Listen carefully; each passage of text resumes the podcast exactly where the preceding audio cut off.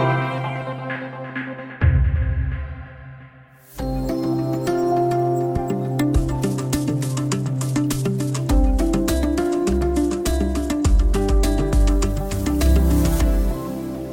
Vaccinet har kommit och vaccineringen av de första grupperna är igång.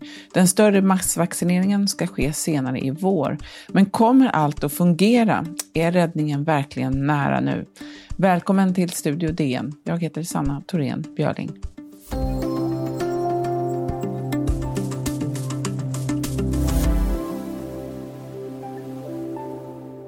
Två vaccin är hittills godkända av EU. Ett tredje kommer troligen inom ett par veckor. Sen kan det bli ytterligare något. Antalet doser som levereras till Sverige stiger hela tiden och ska öka till uppemot en halv miljon per vecka. Idag ska vi prata om vaccinet med DNs medicinreporter Amina Mansour. Välkommen! Tack så mycket! Du, Sverige har hittills vaccinerat omkring 80 000 personer om jag, förstå, om jag har förstått saken rätt. Hur ligger Sverige till i jämförelse med andra länder? Jag skulle säga att i EU så ligger vi nog ungefär ja, men som de, de flesta EU-länder. Sen finns det några länder där som till exempel Danmark som eh, de har vaccinerat flest och sen så har ju Storbritannien då som inte längre eh, är med i EU och som har gjort sina egna godkännanden och godkände vaccinerna tidigare. Eh, de ligger före och sen så eh, ligger ju som sagt Israel är ju det land som har lyckats vaccinera flest människor i, eh, av sin befolkning, ungefär 20 procent procent.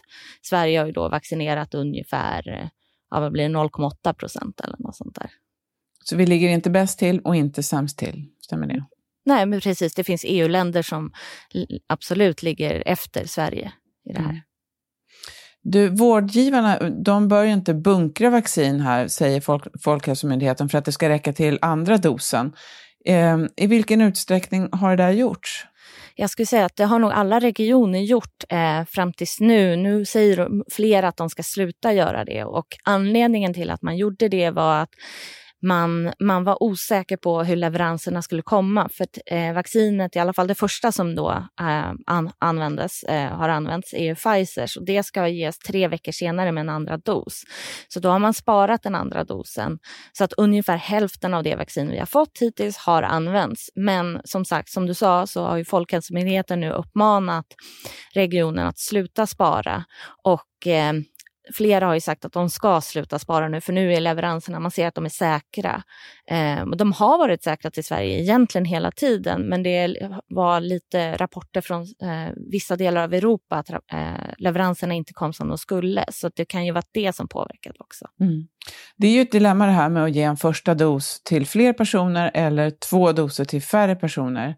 Du har skrivit om det här. Är det där ett, ett problem som är, har försvunnit då eller, eh, eller finns det kvar, eh, det där dilemmat? Jag skulle säga att det är ett jättestort dilemma som det är just nu för att eh, många länder funderar på, vi, vi har ju ett begränsat antal vaccindoser och hur ska man då göra för att de ska bli användas på bästa möjliga sätt? Och då blir det ju egentligen en räkneeffekt om man säger så, att man kan, en räkneövning. Eh, så att Storbritannien de har sagt att de kan skjuta på andra dosen ingen har väl sagt att man ska bara få en dos, men Storbritannien har sagt att man kan skjuta på andra dosen i upp till 12 veckor. Eh, just för att man ska vaccinera så många som möjligt så snabbt som möjligt och då kan man använda det vaccin man har nu för sen blir vaccindoserna mer säkra, man får fler vaccindoser. Men, men då blir ju problemet att man, vet, man får inte riktigt ett helt skydd efter en dos och man vet inte hur långvarigt det är.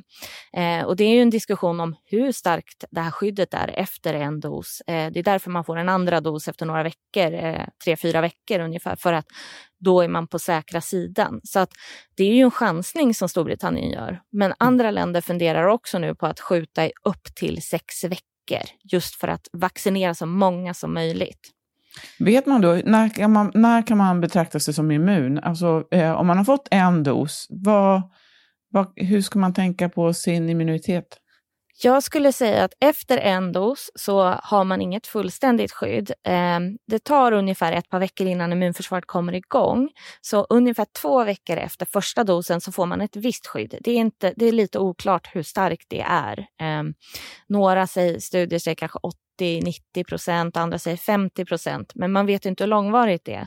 Men sen så när man har fått den andra dosen efter tre fyra veckor då, det är ju liksom vad som är studerat. Det kan ju i vissa fall skjutas på någon vecka eller upp till sex veckor har man sagt. Mm. Sen så tar det ytterligare någon vecka för immunförsvaret att helt kicka igång. Så jag skulle säga att liksom, när man har fått andra dosen och det har gått en till två veckor efter den, då kan man nog börja anse att man har ett bra skydd. Men, men skyddet är ju inte hundraprocentigt med de här vaccinerna. Nej, just det. Om man får första dosen med ett vaccin, eh, hur viktigt är det då att den andra dosen är av samma typ? Det skulle jag nog säga. Jag tror inte att man försöker. Jag vet att Storbritannien började prata om det, men det är jättekonstigt att man skulle göra på olika sätt eller använda olika typer av vaccin. Så jag skulle säga att man kommer ge av samma. Eh, jag, jag har, man har inte studerat det på något annat sätt och de här eh, AstraZenecas är ju ett, det är inte godkänt än, men det vaccinet har, är av en annan typ än eh, Pfizer och Moderna som då är ett mRNA-vaccin och AstraZenecas är ett adenovirusvektorvaccin. Så att de, det, det kanske görs några sådana studier men, men man har ingen aning om vad som händer om det skulle hjälpa eller hur, hur pass skyddad man är då. Så jag skulle säga att jag tror inte att man kommer göra det. Vem, alltså i Sverige då, eh, hur håller man reda på vem som har fått vad? Eh, ja, det står i journalerna. Eh, man skriver in i journaler så att det här finns ju liksom det är ju samma vårdgivare. Nu i början så ges det ju i stort sett på äldreboenden och vi har bara haft ett vaccin.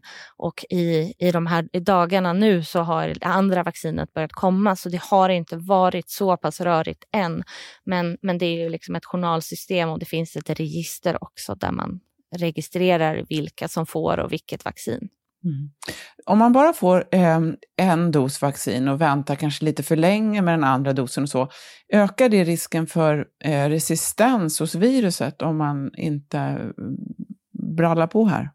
Ja, alltså det, det, finns en sån diskussion och en oro för, hos vissa forskare. Eh, för det är ju så att när, med vissa virus och precis som med bakterier eh, eh, med att liksom, du, kan få, du kan döda vissa eh, men du kan inte göra det helt och då kan de ta sig runt vaccinet. Så det är ju det som finns en oro, att man vill Eh, att man vill använda de här så snabbt som möjligt så att man inte liksom utvecklar mer och mer vaccinresistenta virusstammar. Men, men det är ju liksom bara teoretiskt än så länge, för det vet vi inte riktigt. Nej. Och just nu så är det Pfizer och Modernas vaccin som är aktuella i EU. AstraZeneca är, kommer som du sa om ett par veckor kanske. Och sen väntar man ytterligare då på Johnson Johnson senare i vår, eller? Mm, precis. Eh, de är nästa vaccin. De skulle presentera sina data snart vad jag förstått. Och det är ett, eh, också ett virusvektorvaccin där man använder sig av ett snällt förkylningsvirus som har modifierats för att innehålla den genetiska koden av, eh, eh, av eh, det nya coronaviruset så att man kan inte en del av den, så att man får in det på det sättet och det fungerar som AstraZenecas. Men det här eh, Johnson Johnson eh, är bara en dos. Så det skulle ju vara jätteviktigt om det visar sig att det vaccinet fungerar. För då, det, det skulle förenkla väldigt mycket. Just det.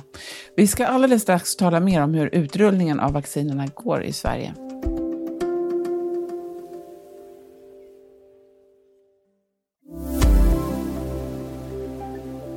Ja, vi pratar idag med DNs medicinreporter Amina Mansour om vaccinet. Vaccineringen görs ju i Sverige i 21 regioner som landet är uppdelat i. Den här verksamheten är ju inte styrd då från nationellt håll. Eh, vad vet vi där om skillnaden, om hur det går med förberedelserna i olika regioner? Eh, det är väldigt olika skulle jag säga just nu. Eh, jag läste nyligen om att Göteborg, eller Västra Götaland, där, där verkar det som att man är klar med äldreboenden eller åtminstone boende på äldreboenden. Där vet jag också att man vaccinerar personalen som jobbar där eh, parallellt. Medan jag eh, läste nyligen om att Stockholm inte kommer göra så utan där ska man gå till någon separat och vaccinera sig om man är personal. Ehm, så, att, så att man gör på väldigt olika sätt. Ehm, men det kommer ju rekommendationer också då från, eh, från nationellt håll eller om man ska säga från Folkhälsomyndigheten. Men sen så regioner har ju lite olika sätt att vaccinera generellt på under eh, influensasäsongen till exempel. Så att vissa, jag tror att man kommer utnyttja några av de systemen där i början i alla fall. Mm. Ibland sägs det att Sverige är så duktiga på just vac vacciner. Det är någonting som regionen är väldigt vana vid att göra och, och sådär. Eh, eh, kan man utnyttja det nu eller är det, är det här en helt annan skala? Alltså det är ju en helt annan skala. Det här är ju en av de största vaccinationskampanjerna som kommer dras igång. Men vi vaccinerar ju ja, flera miljoner varje år för influensan i regionerna. Och så att i, i många regioner så, så går man till sin distriktsläkare och vi kan ju vaccinera, sjuksköterskor kan vaccinera i Sverige medan i andra länder så måste det ibland vara läkare som gör det. Så att vi har ju en del system men det är ju också en större apparat här och särskilt också när det blir lite olika vaccin att hålla reda på. Det ska vara två doser och det ska göras med liksom i lite olika faser. Så att, men det börjar ju i liten skala som man bygger ut nu allt eftersom. Men det kan bli rörigt. Det verkar ju finnas viss förvirring kring om man till exempel blir kallad om man är äldre eller 70 plus, eller om man ska boka tid själv och vem som ska ge en den informationen och sådär.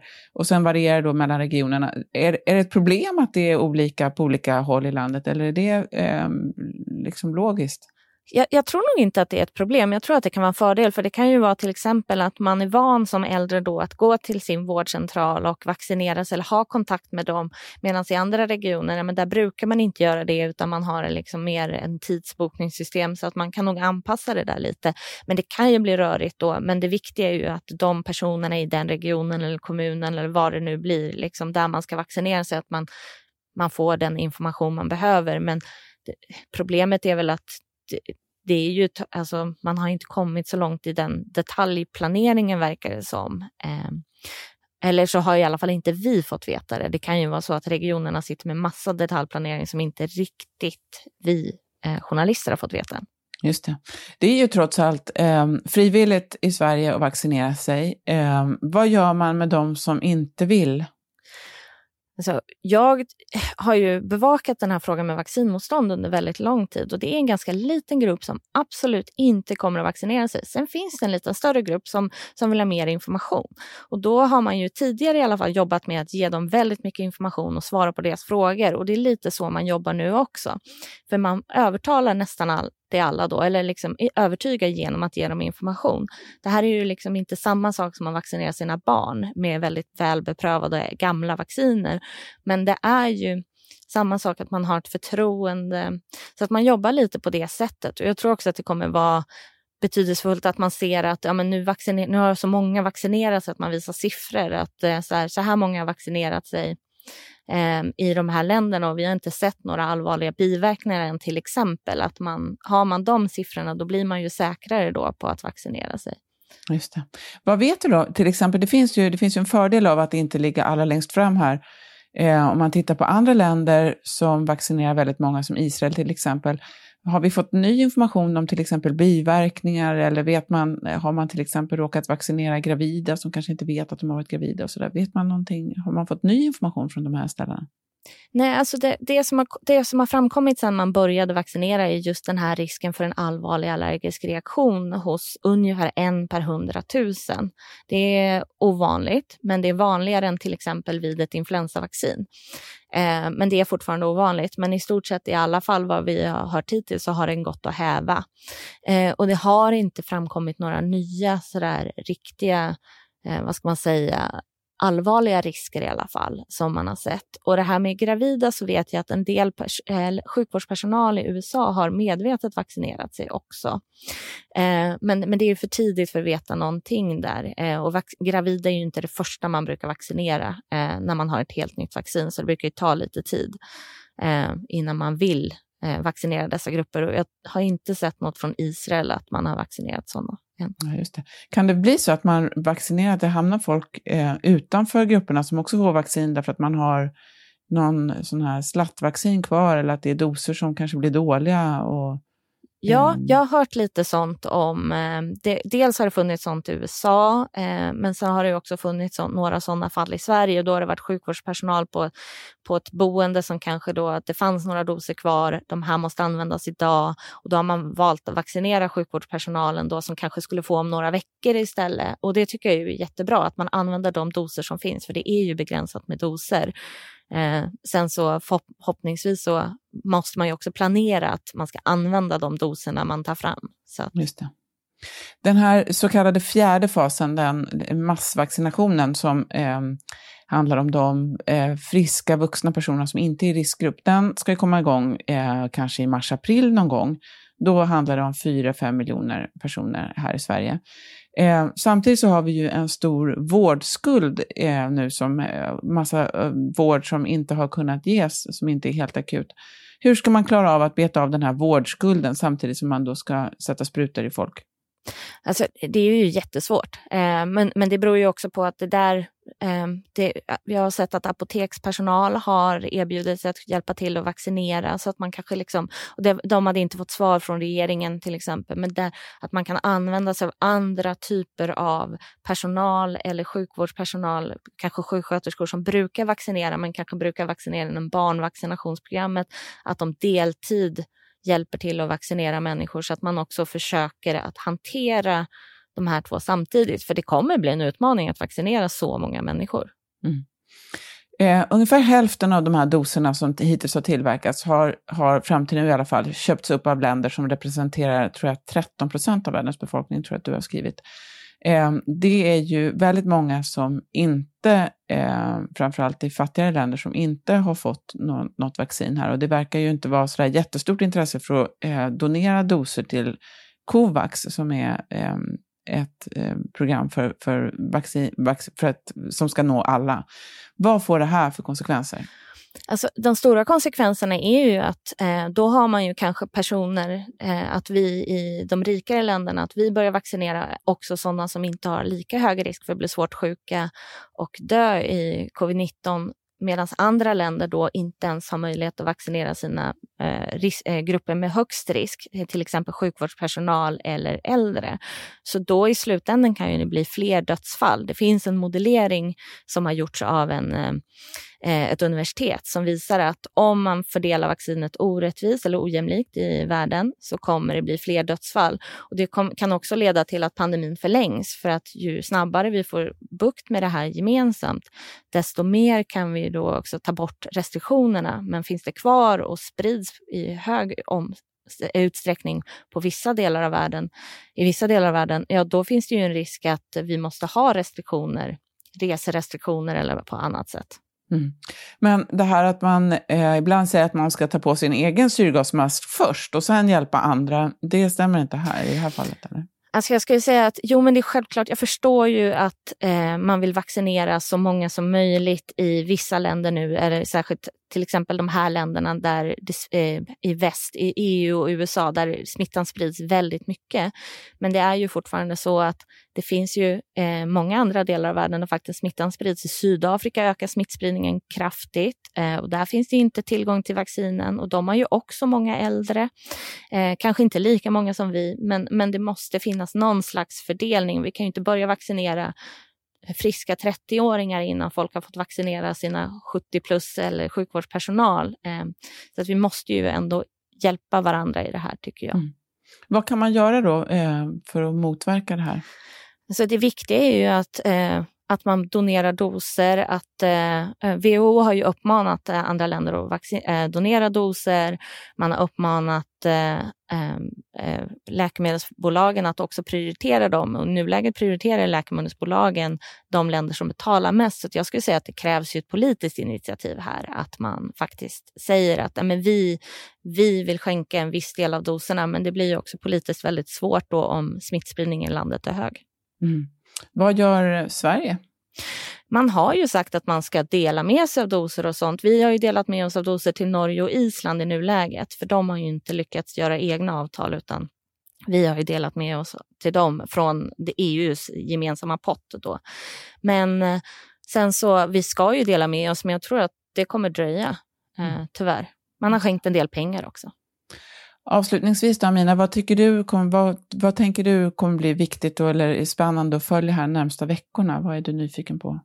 Alltså, just det där att se hur snabbt minskar dödligheten när vi börjar vaccinera de äldre och på äldreboenden, för det är där ungefär hälften av våra dödsfall har varit och när de är vaccinerade kommer våra dödstal minska och hur snabbt kommer det gå? Eh, och sen när vi börjar då med de 70-plussarna. Så att, eh, det ser jag fram emot att följa och hoppas väldigt mycket på att det här har betydelse. Låt oss hoppas på det. Tusen tack Amina. Tack så mycket. På måndag handlar Studio DN om Black Lives Matter och vad stormningen av Kapitolium betydde för den rörelsen. Studio DN görs för Podplay av producent Sabina Marmelakai, exekutiv producent Augustin Erba, ljudtekniker Patrik Miesenberger och teknik Jonas Lindskog, Bauer Media. Jag heter Sanna Thorén Björling.